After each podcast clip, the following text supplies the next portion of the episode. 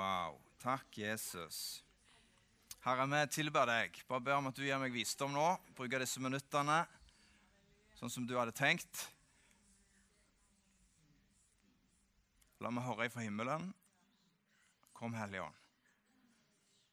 Og sanksjoner det som er av deg i denne talen. Det ber jeg om i Jesu navn. Amen.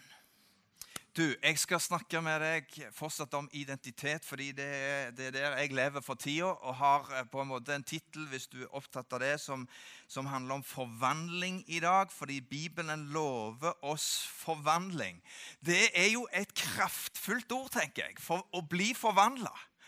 Og Derfor er det bra hvis du sitter med en iPad eller en, en, en, en eller annen sånn dibbedutt som du kan skrive på. Noter deg noen skriftsteder i dag. For hvis det er sant det Bibelen sier, at han vil at vi skal leve forvandla liv, kan det være smart å bare ta det der, de der to, tre, fire, fem, seks skriftstedene, og så går du hjem og så undersøker du litt, og så er det med å transformere noe på innsida av oss. Jeg sier til deg som har vært i kirka lenge som har gått på gudstjeneste lenge. Fordi vi, vi kan høre ordet, og så blir det på et vis en vane, men det gir ikke alltid den forvandlingen som ordet lover at det skal gjøre. Og Mye av årsaken til det tror jeg handler litt av at vi, vi klarer ikke helt grabbe det og gjøre det til vårt. Derfor er min oppmuntring i dag grabb dette, fordi det vil, det vil bety en forskjell i livet ditt. Jeg har med vilje ikke kastet opp en masse med vers bak meg i dag. For jeg, jeg, nevner de, de står i boka. Og så kan du skrive opp verset for sjøl og slå de opp. fordi det hjelper deg òg til å ta litt aktivt tak i forhold til denne talen. 2. Korinterne 5,17. Vi har vært der før. Bibelen sier gjennom Paulus i 2. Korinterne 5,17.: Hvis noen er i Kristus, har den nye skapningen kommet. Det gamle er forsvunnet, se, det nye er her. Det er det Bibelen sier der. Så det har kommet noe nytt gjennom Jesus.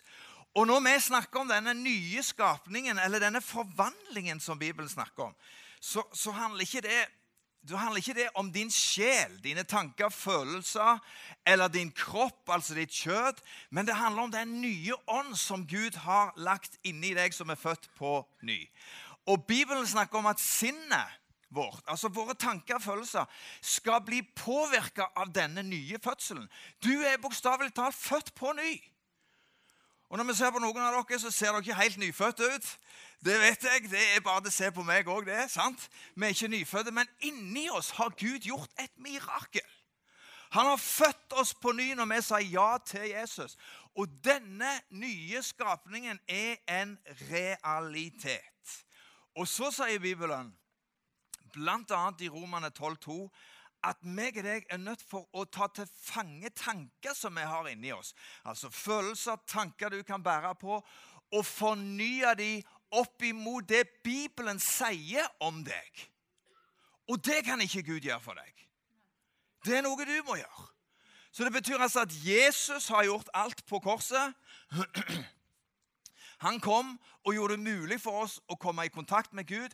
Men så han sagt, for at det skal bli en realitet inni deg, så må du fange tankebygninger som sier negative ting om deg, eller som har løgntanker som du går og drasser på. Og så må de fornyes opp imot en sannhet som er høyere enn det. Og det er det jeg skal dele noen tanker med deg om i dag. Derfor er det gode nyheter. Vet, evangeliet er jo gode nyheter. Det er ikke dårlige nyheter, det er gode nyheter du får i dag. Den som ble født på nytt, han fikk en ny ånd inni seg. Det står der i 1. Tessalonikerbrev 5,23. For der skriver Bibelen og Paulus at det er forskjell på ånd og sjel og kropp. Og Så forklarer han at når du sa ja til Jesus, så ble din ånd født på ny. Og så sier han, han bruker et uttrykk han sier, du fikk del i guddommelig natur. sier Bibelen i guddommelig natur. Og denne naturen skal nå påvirke sjelen din og kroppen din. Og det kan du òg lese om i 2. Peter 2. Vent nå litt, du skal få det hvis du noterer litt her. 2. Peter 1,4 er det. Der står det om at du har fått del i guddommelig natur. Og så underviser jo Romerbrevet er jo et fantastisk brev. Når du leser Romerbrevet, så er det jo, det er jo Paulus' en beskrivelse av denne nye skapningen i Kristus. Og Så går du inn i Romane kapittel 8 vers 1, som sier at det er ingen fordømmelse lenger for, for, deg. For du er jo Jesus Kristus. Du er en ny skapning. Og det er en ny lovgivning som opererer inni deg. Og Bibelen kaller den for livets ånds lov. Og den loven den fungerer som jeg har vist før, akkurat som tyngdekraftens lov. Like effektive. Holder du noe opp, slipper det, så detter det i bakken. Livets ånds lov fungerer like kraftig. Den har kjøpt deg fri, sier Bibelen. Fra syndens og dødens lovgivning. Så det har begynt å skje noe inni deg gjennom denne nye fødselen. I Romerne 8,11 så sier Bibelen at vår dødelige kropp nå tilføres liv ved Hans ånd som bor i oss. Og det er jo fantastisk. Paulus går jo videre her inn i, i Romerbrevet 8 og, og sier at vi ikke har fått en ånd som gjør oss til slaver, så vi skulle være redde lenger. Nei, vi har fått en ånd som gir oss rett til å være Guds barn. Og er vi arvinger, så er vi Guds medarvinger. Og Det er mulig du går og venter på en eller annen arv. For det er alltid kjekt hvis du har stinne foreldre som er stinne av gryn, og du tenker 'Håper de ikke testamenterer alt evangeliesenter, men det er litt igjen til meg.' sant? Jeg vet ikke hvilke tanker du gjør deg om det. Men, men det er jo bra med en arv. Men her står det at du er Guds medarving. Og Du har gjerne hørt historien om han gutten som jobba litt for presten på Varhaug. og Han hadde jobba i hagen og rydda grassat hele dagen. Og Så kom presten og sa det er fantastisk, Ola, det du har gjort her. Må Herren lønne deg rikelig. Og Så sier Ola til han, ja, men du som kjenner han så godt, kan ikke du legge ut for han? Og det, det, det, er, jo, det er jo bra, da. At, jo, men, men sånn tenker vi av og til om Gud, vet du. For vi, vi, går rundt og tenker at Gud er liksom en gang i himmelen. Nei, men du er medarving med Kristus. Og det jeg prøver å male for deg i dag, det er dette bildet av at du har fått del i en arv gjennom Jesus. Og du vet, Av og til så må jeg stå sånn og selvinstruere meg sjøl positivt. For det er dager som er tøffe, og du står opp om morgenen, ser deg sjøl i speilet. Si noe godt til deg sjøl, sånn som Kari gjør når hun står opp. sant? Du sier noe bra til deg sjøl. Istedenfor det som på en måte er negativt, så forteller du deg sjøl hvem du er. Og det, ja, men det var noe fælt. Vi bor på Jæren eller på Haua. er det mest enda verre, for vi snakker ikke så godt om oss sjøl. Nei, begynn å snakke godt om deg sjøl. Ja, men ikke det er litt oppskrytt? Eller ikke det er litt feil? Nei, Bibelen sier noe om hvem du er, og du må begynne å tale sant om deg sjøl. Det er masse helbredelse i det. Og det er det jeg har lyst til å formidle til deg i dag. At det fins en forvandling gjennom troen på Guds ord. I Markus 1, 14-15 så står Jesus fram og sier tida inne, Guds rike har kommet nær. Og så sa han, vend om og tro på evangeliet. Og Her ser vi jo en tydelig kobling mellom tro og omvendelse. For Paulus taler jo om det i Romerne kapittel 10-10. Med hjertet, altså med hjertet vårt, tror vi så vi blir rettferdige. Og med munnen bekjenner vi så vi blir frelst. Og jeg tror at meg og deg faktisk er skapt til å fungere akkurat sånn. Med hjertet tror vi, og med munnen bekjenner vi. Og Salomo sier det jo det hjertet er fullt av, det flyter munnen over. Og Derfor er det jo sånn at eh, når du liksom skviser deg skikkelig, så er det uh, ofte det som er på innsida, som kommer ut. Det kan være vakkert, men det kan være også skikkelig ugly noen ganger. Det har du sikkert møtt. At Noen ganger lurer du på, når du, når du er under press og det bare kommer ut, så fins de jo der inne. Og Gud er ikke redd det. Jeg har lyst til å oppmuntre deg og si det er sånn at sjelen din er i en prosess om å bli frelst. Men hans vilje er at den ånd som han har lagt i deg, skal begynne å prege deg mer og mer. Sånn at du begynner å tenke og handle og gjøre det som Guds ord faktisk oppmuntrer oss til. Deri ligger omvendelsen. Og så har jeg lyst til å si til dere som er 50 pluss for Nå snakker vi ikke så mye om omvendelse lenger. Det tror jeg vi faktisk skal gjøre. Men jeg har lyst til å si til dere at noe av den omvendelsesforkynnelsen som du kanskje har vokst opp med, var veldig sånn mørke. sant? Og, og det var synd alt sammen osv. Men omvendelse er jo et positivt lada begrep, faktisk. Det kommer ut fra dette greske ordet metaneo, som betyr meta etter, og neo det betyr etter å ha tenkt seg grundig om. Du vender deg altså om til noe etter du har kommet til en overbevisning om noe. Så når Jesus sier 'venn om, for Guds rike har kommet nær', så ikke sånn 'Å, farlig Gud, nå ser du oss, dette kommer til å gå galt'. Nei, det er faktisk sånn 'we embrace it'. Vi omfavner det. Vi omfavner omvendelsen og venner oss til Han som er vår redningsmann. Så evangeliet er ikke fordømmende. Det er et godt budskap som vi kan vende oss for, mot for å bli frelst. Amen. Og det er det gode budskapet som vi kan få lov å bringe ut til andre mennesker òg. Så våg å tro at evangeliet er gode nyheter. Omvendelse og endre måten vi tenker på. Du begynner å tro Guds ord om deg, for så å handle på det. Og så snur du deg mot en ny sannhet som begynner å sette deg fri.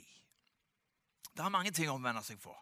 Omvende seg ifra. Jeg, jeg, jeg har det i mitt eget liv. Det kan være egen rettferdighet, eller det kan være en følelse av utilstrekkelighet, eller det kan være sammenligning.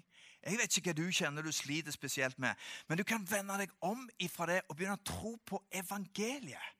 Men for hånda, at du skal tro på evangeliet, så må du vite hva evangeliet er. For Hvis du har en, et vrengbilde av dette med evangeliet, så blir det litt vanskelig. på en måte, og Mange holder Jesus på avstand, for de tenker han kommer til å rope livet mitt. Jeg får ikke ta lørdagspilsen min. Ja, vil du at vi skal drikke på lørdag? Det var ikke det jeg sa. sant? Det går på podkast òg, så her må vi være veldig forsiktige. Men jeg sier ikke, det, det, det, det, er ikke, det, er ikke, pilsflaska i seg sjøl som på en måte ruinerer ditt kristenliv. forstår meg riktig. Det betyr at jeg har tro på avhold, men det er sånn at mange har et vrengbilde av en Jesus som skulle komme inn og rope oss ifra alt som er kjekt i livet. Det er klart, Jeg vokste jo opp sånn. Jeg hadde jo et talent. sant? jeg, jeg, jeg, kunne jo spilt på en eller annen internasjonal fotballklubb. For jeg hadde det talentet. sant? Men du vet at når jeg vokste opp, så fikk jeg jo ikke lov å gå på fotballen. sant? Så jeg lagde meg min egen lykke nede i Øykjabakken og på en måte rulte der. Det var så langt jeg kom i min fotballkarriere. Fordi mor mi tenkte at det var ikke noe å bruke kreftene på. For det var liksom ikke åndelig nok. Og så, og så vet jeg at mange av dere er på en måte engasjert i idrettslag, og det har skjedd en forandring på disse åra. Mye til det gode. Absolutt. Men jeg har bare så lyst til at du griper troen på Jesus er noe du kan bringe med deg ut i ditt hverdagsliv. Det er noe du kan ta med deg ut i hverdagen som ikke du trenger skjems av. Det er gode nyheter som mennesker på Haua faktisk trenger. Naboen din trenger disse gode nyhetene. Det er sånn at det du og meg fokuserer på, det er det du ofte òg gir kraft til. Og Om du fokuserer på egne svakheter feil, så vil du forsterke dette mønsteret inni deg. og Så blir du det du ser, og du går der du tenker. Og Så gir Paulus oss et godt råd på hva ditt fokus skal være. Jeg skal ta det for deg her. Han sier som følger.: For dem ville Gud gjøre kjent hvilken rikdom og herlighet det er i dette mysterium. Det er Kristus i dere, sier han, håpet om herlighet. Han forkynner vi. Og vi formaner hvert menneske å lære, å lære hvert menneske i all visdom, for at vi kan fremstille hvert menneske fullkomment i Kristus. Hvor leste jeg fra nå? Jo, Kolossene 1, 27-28. Kolossene 1, 27-28 Så at Guds plan med meg og deg er å fremstille oss hellige og rene i Kristus. Ser du det? Jeg vet ikke om du har sett det før, men du vet at jeg er hellig og feilfri. Jeg er hellig og ren. Ja, men du har jo drevet deg ut, og du har jo fortalt alle disse røverhistoriene, og du har ikke gjort alt rett, du navn. Nei, det er helt rett. Det er derfor jeg trenger Jesus. Det er de gode nyhetene. Jeg grapper tak i Jesus. Jeg trenger Jesus i livet mitt. Og da betyr det at du kan forkynne Han, for i Kristus er du hellig. Ser du det? Ja men, du, ja, men jeg skal komme til det. Ja, men vi skal jo leve hellige liv. Ja, men, men følg meg litt nå. sant? For utfordringen min og din når det kommer til å leve hellige liv, det er at vi har en tendens til å sette kjerra foran hesten. Og så mye vet jeg om det. Det fungerer dårlig. Så du må vite hvilken rekkefølge du staver dette i. For hvis du skal komme inn i et hellig liv, så må du forstå at det er utgangspunktet ditt. Og nå forser jeg talen litt, jeg skal komme til det på slutten. Men det er ofte en dårlig strategi, fordi det tar deg inn i selvfordømmelse og sammenligning og alt dette som holder livet ditt nede.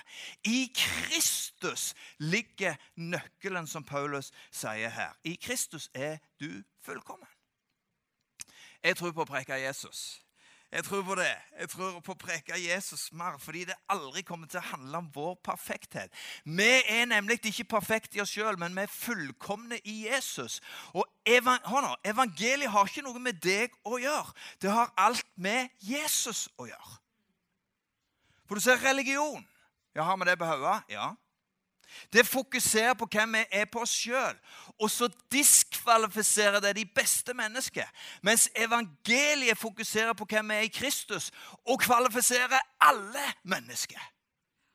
Fikk du med deg den? Du ser religion. Det gjør noe med oss, fordi det drar oss inn i sammenligning. Og religion skal ta den en gang til, fokuserer på hvem vi er oss sjøl, hvem vi får til sjøl, og så diskvalifiserer det oss.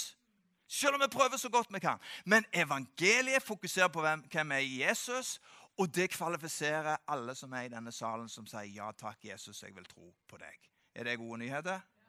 Amen. Halleluja. Det er gode nyheter, og det er det evangeliet faktisk handler om. Så er det noen fallgruver. Og jeg skal ta dem. Fordi at det, Noen ganger tenker vi ja, men det handler jo litt om oss òg. Og så fokuserer vi litt på oss sjøl og litt på Jesus. Og hva skjer da? Da blander du ofte religion og evangeliet. Og Dermed så ser jeg det i mitt eget liv. Jeg forhindrer Guds kraft, som bare fins i evangeliet, til å utføre sitt verk i oss. For det andre, hvor ligger håpet? Jo, håpet ligger jo i Kristus. Det ligger ikke at du prøver å få det til.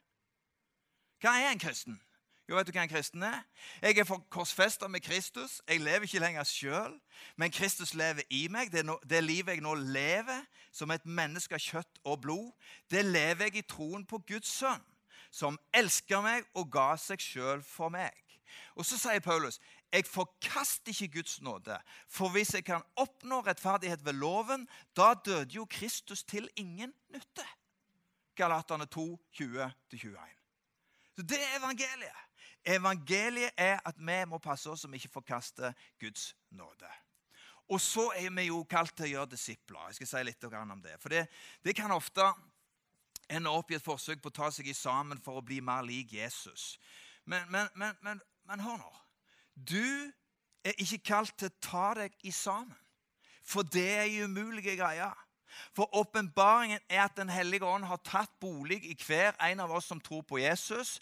Og vi er ikke kalt til å ta oss sammen, men vi er kalt til å la hans liv som bor i oss, nå leve gjennom oss. Vi må tillate altså at Jesus tar over. Vet du hva? Jesus vil bare ta over. Ja, Men det kan ikke bli litt voldsomt?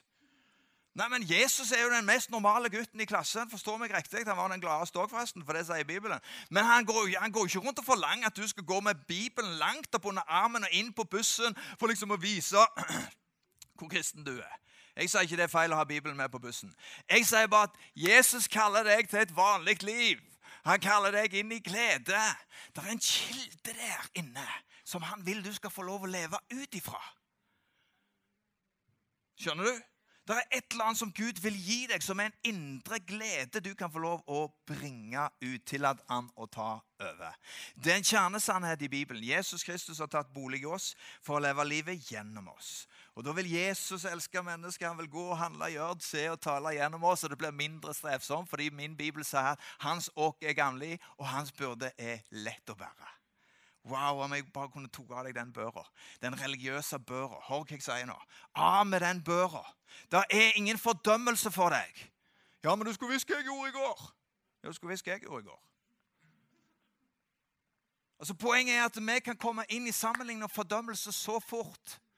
Så må vi få orden på tankelivet vårt, sånn at vi begynner å leve etter Guds plan med livet vårt. Men den kraften har Gud lagt inni deg.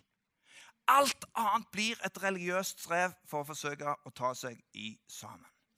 Så sier du ja, men da må det jo skje en forvandling inni meg. Jo, men Sjekk ut dette verset sammen med deg. da. Andre kor 3,18. Det er jo et fantastisk vers til spikre opp på speilet hjemme. Andre kor 3,18. har Og vi som uten slør for ansiktet ser Herrens herlighet som i et speil. Vi blir alle forvandlet til dette bildet fra herlighet til herlighet. Og dette skjer i min egen styrke. Er det det det står? Nei, og dette skjer ved Herrens ånd. Du har ingenting med det.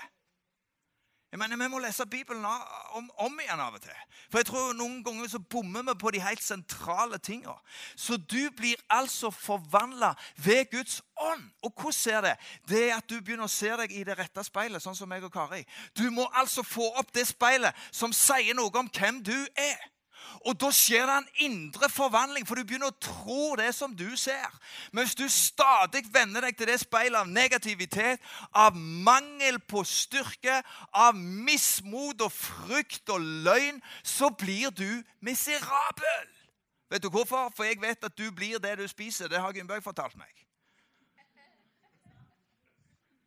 Så du må lære deg hva speil du ser deg i, og hva mat du spiser, for det kommer til å føre til forandring i ditt liv.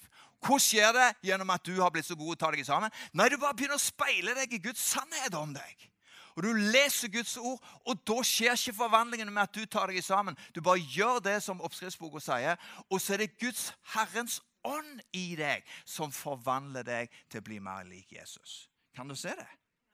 Jeg må bare si det igjen. Jeg preker bedre enn du responderer. Det er ikke tull engang.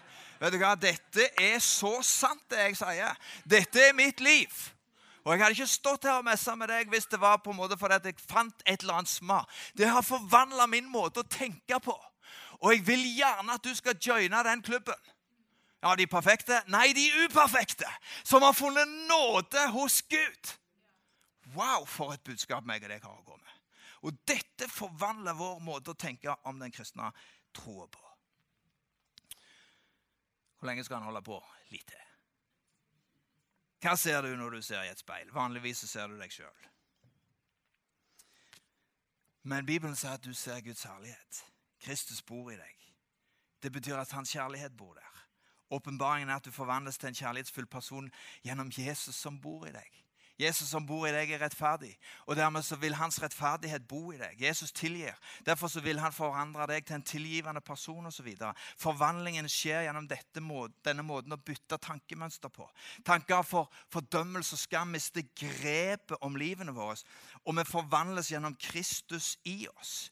For du ser at din, din helliggjørelse har til og med flytta inn i deg. For på samme måte som Jesus har blitt vår rettferdighet, har han òg blitt vår helliggjørelse. For Noen sitter kanskje med spørsmål om hvordan, skal jeg da klare å leve disse hellige livet. Jo, hør, dere er hans verk, sier Paulus i 1. Korinterne 1,30. I Kristus. Han som har blitt vår visdom fra Gud, vår rettferdighet, og så kommer det vår helliggjørelse og forløsning. For at den som er stolt, skal være stolt av Herren, slik det står skrevet. Så Gud får skylda for det òg. Så hvis du slåss litt med det å leve hellig liv, så må du bare skjønne at det er han som er din hellighet. Du kommer aldri til å bli så hellig at Gud kommer til å akseptere deg. Du er avhengig av Jesus. Du er avhengig av Kristus i deg. Det er òg din hellighet. Og Så skal jeg stable dette riktig ut på slutten, sånn at du skjønner ja, men kan jeg holde på å leve akkurat som jeg vil. Nei, langt derfra, sier Paulus. Og Du kan tenke og si til meg jo, men jeg tror jeg måtte, måtte leve mer og mer hellig. Men du ser, det ender ofte opp i selvhellighet. Jeg møter selvhellige folk. Jesus møtte de overalt når han gikk på jord. Akkurat som selvrettferdighet så blir det på en måte ei egen greie. Men det fins nemlig en bibelsk rekkefølge. Følg meg nå på slutten, for jeg skal snart lande. Vi lever ikke hellig hør nå, for å bli hellig. Vi lever hellig fordi vi allerede er gjort hellige. Og Bibelen kaller deg nemlig for hellig mange plasser, selv om du ikke føler det sånn sjøl. Filippane 1.1, Filippane 4.22, Kolossene 1.2. Alle de plassene sier at du allerede er hellig. Hjelp oss, Gud, til bare gripe dette. At din hellighet og evnen din til å leve et hellig liv kommer ut ifra kilden av at han er hellig. Og når han er hellig, så vil hele treet bli påvirka av den helligheten. Du kommer aldri til å klare å leve et hellig liv i din egen kraft. Så er det mulig du er som meg, og Gunnberg kan vitne på dette, at jeg er noe nevrotisk når det kommer til å ha det rent på kjøkkenbenken. Det kan jeg bare love deg. Eller du er på et eller annet hotell og du kommer inn der og du finner på en måte hår i senga og du syns det er litt ufyse, og du har lyst til å rydde litt før du legger deg i den senga. Kan det stemme? Jeg vet litt om det som har vært i Asia. Snakk med Harald i pausen. Eh, han kan bekrefte det. Men hør nå. Sånn er det med Gud òg. For det her er åpenbaringen. Hør nå. Før han flytta inn i deg, så vasker han deg. Han gjorde det med sitt eget blod, sånn at du skulle bli fullkommen rein. For din egen vaskejobb var ikke god nok. Aha. Så det betyr altså at Gud sa vet du hva, det du holder på med der Du kan prøve å rote og fikse og trikse, og du kan prøve å se mer åndelig ut, men det er ikke godt nok. Derfor lot jeg min sønn dø.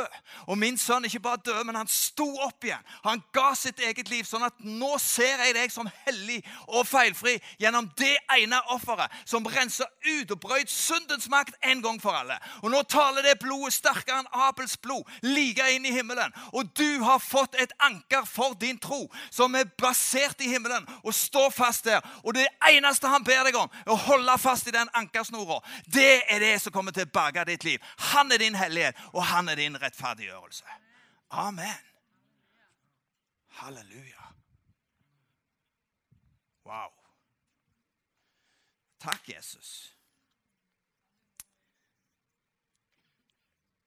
For ved et eneste offer har han for alltid gjort dem som helliges fullkomne.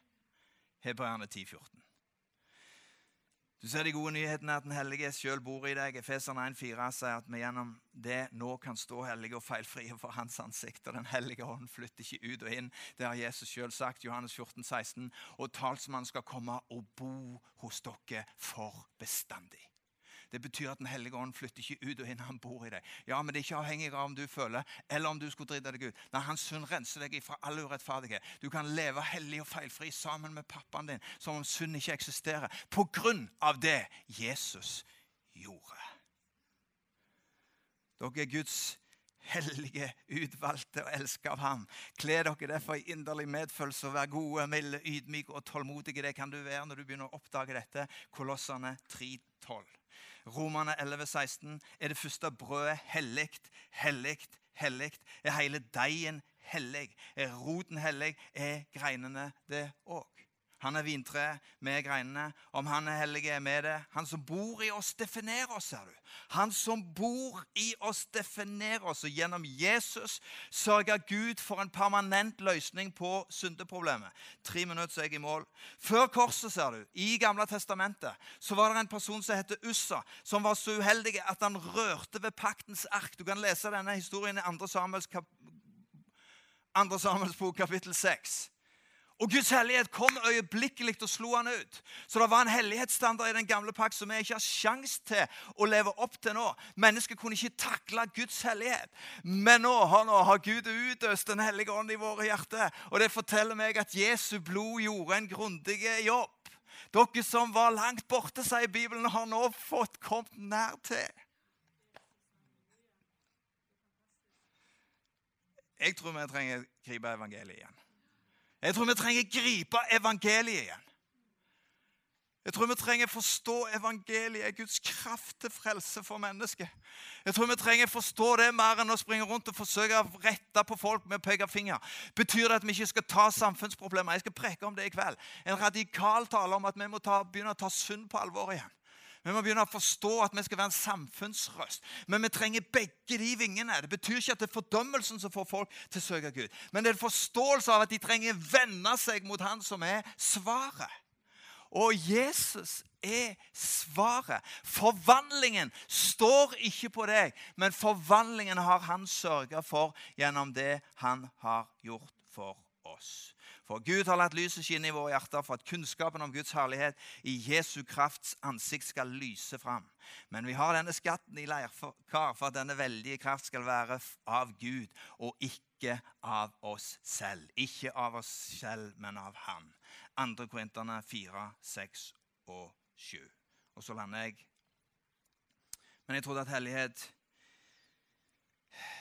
og rettferdighet var mer en prosess gjennom sinnets fornyelse. For jeg kan ikke se så mye av denne helligheten i livet mitt ennå, etter alle disse åra. man har. det er en prosess.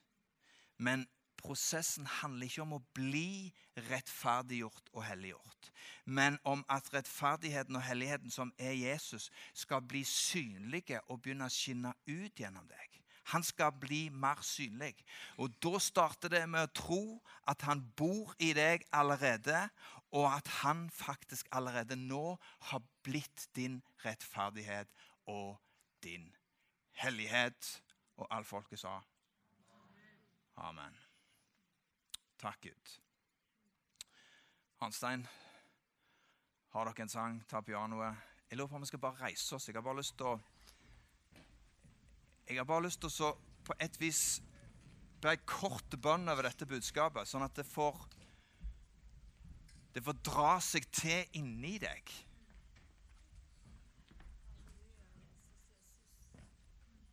Og så er det som jeg har sagt før, når et hvilket som helst postbud kommer med posten, så er det på et vis noen brev du liker, noen brev liker du gjerne ikke. Og jeg har lyst til å si til deg at du har visdommen, skillsa til å legge vekk det som du kjente var ikke liksom helt til deg. Men, men hør, for Guds skyld Ta imot det som Den hellige ånd har berørt deg med. Og så gjør du ikke den samme tabben som jeg gjorde i den første delen av mitt liv. Jeg hørte en del ting, så gikk jeg ut, og så glemte jeg det. Så gjorde jeg ingenting med det. Helt til jeg fikk eksistensielle kriser i livet mitt.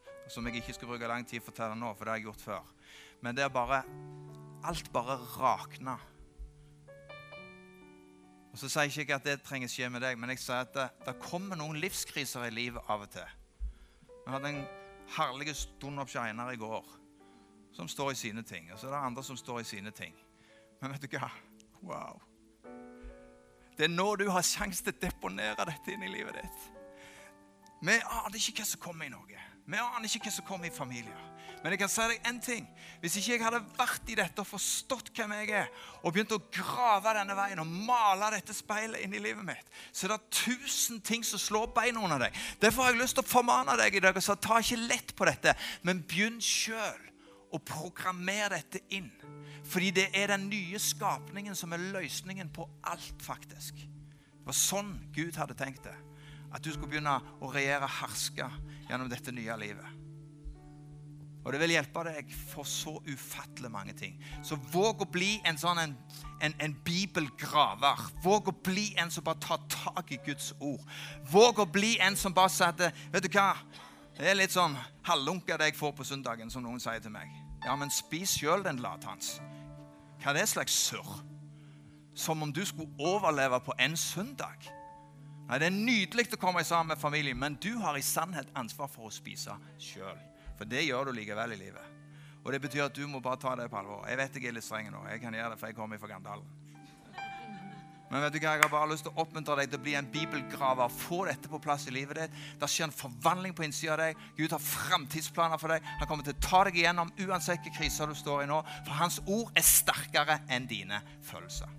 Så i Herren Jesu navn så bare takker jeg deg for at vi tror at det var et profetisk budskap. Vi tror at dette budskapet bare skal forandre noen ting i oss som gjør at vi take response, responsibility. Vi responderer på dette, Gud, uten å bare si ja, det var liksom ok. Nei, men Gud, vi, er på hellig grunn nå, og så våger vi å si til deg at du bare formaner oss, Herre, i Herrens ånd til å ta tak i livet vårt, til ikke unnskylde oss lenger. Vi bor i verdens beste land.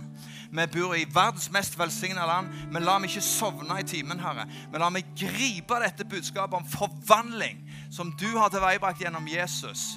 Og la det bli noe som bare vokser fram i oss som en kilde som kommer til å helbrede oss, vårt hus og så mange andre som vi har rundt oss.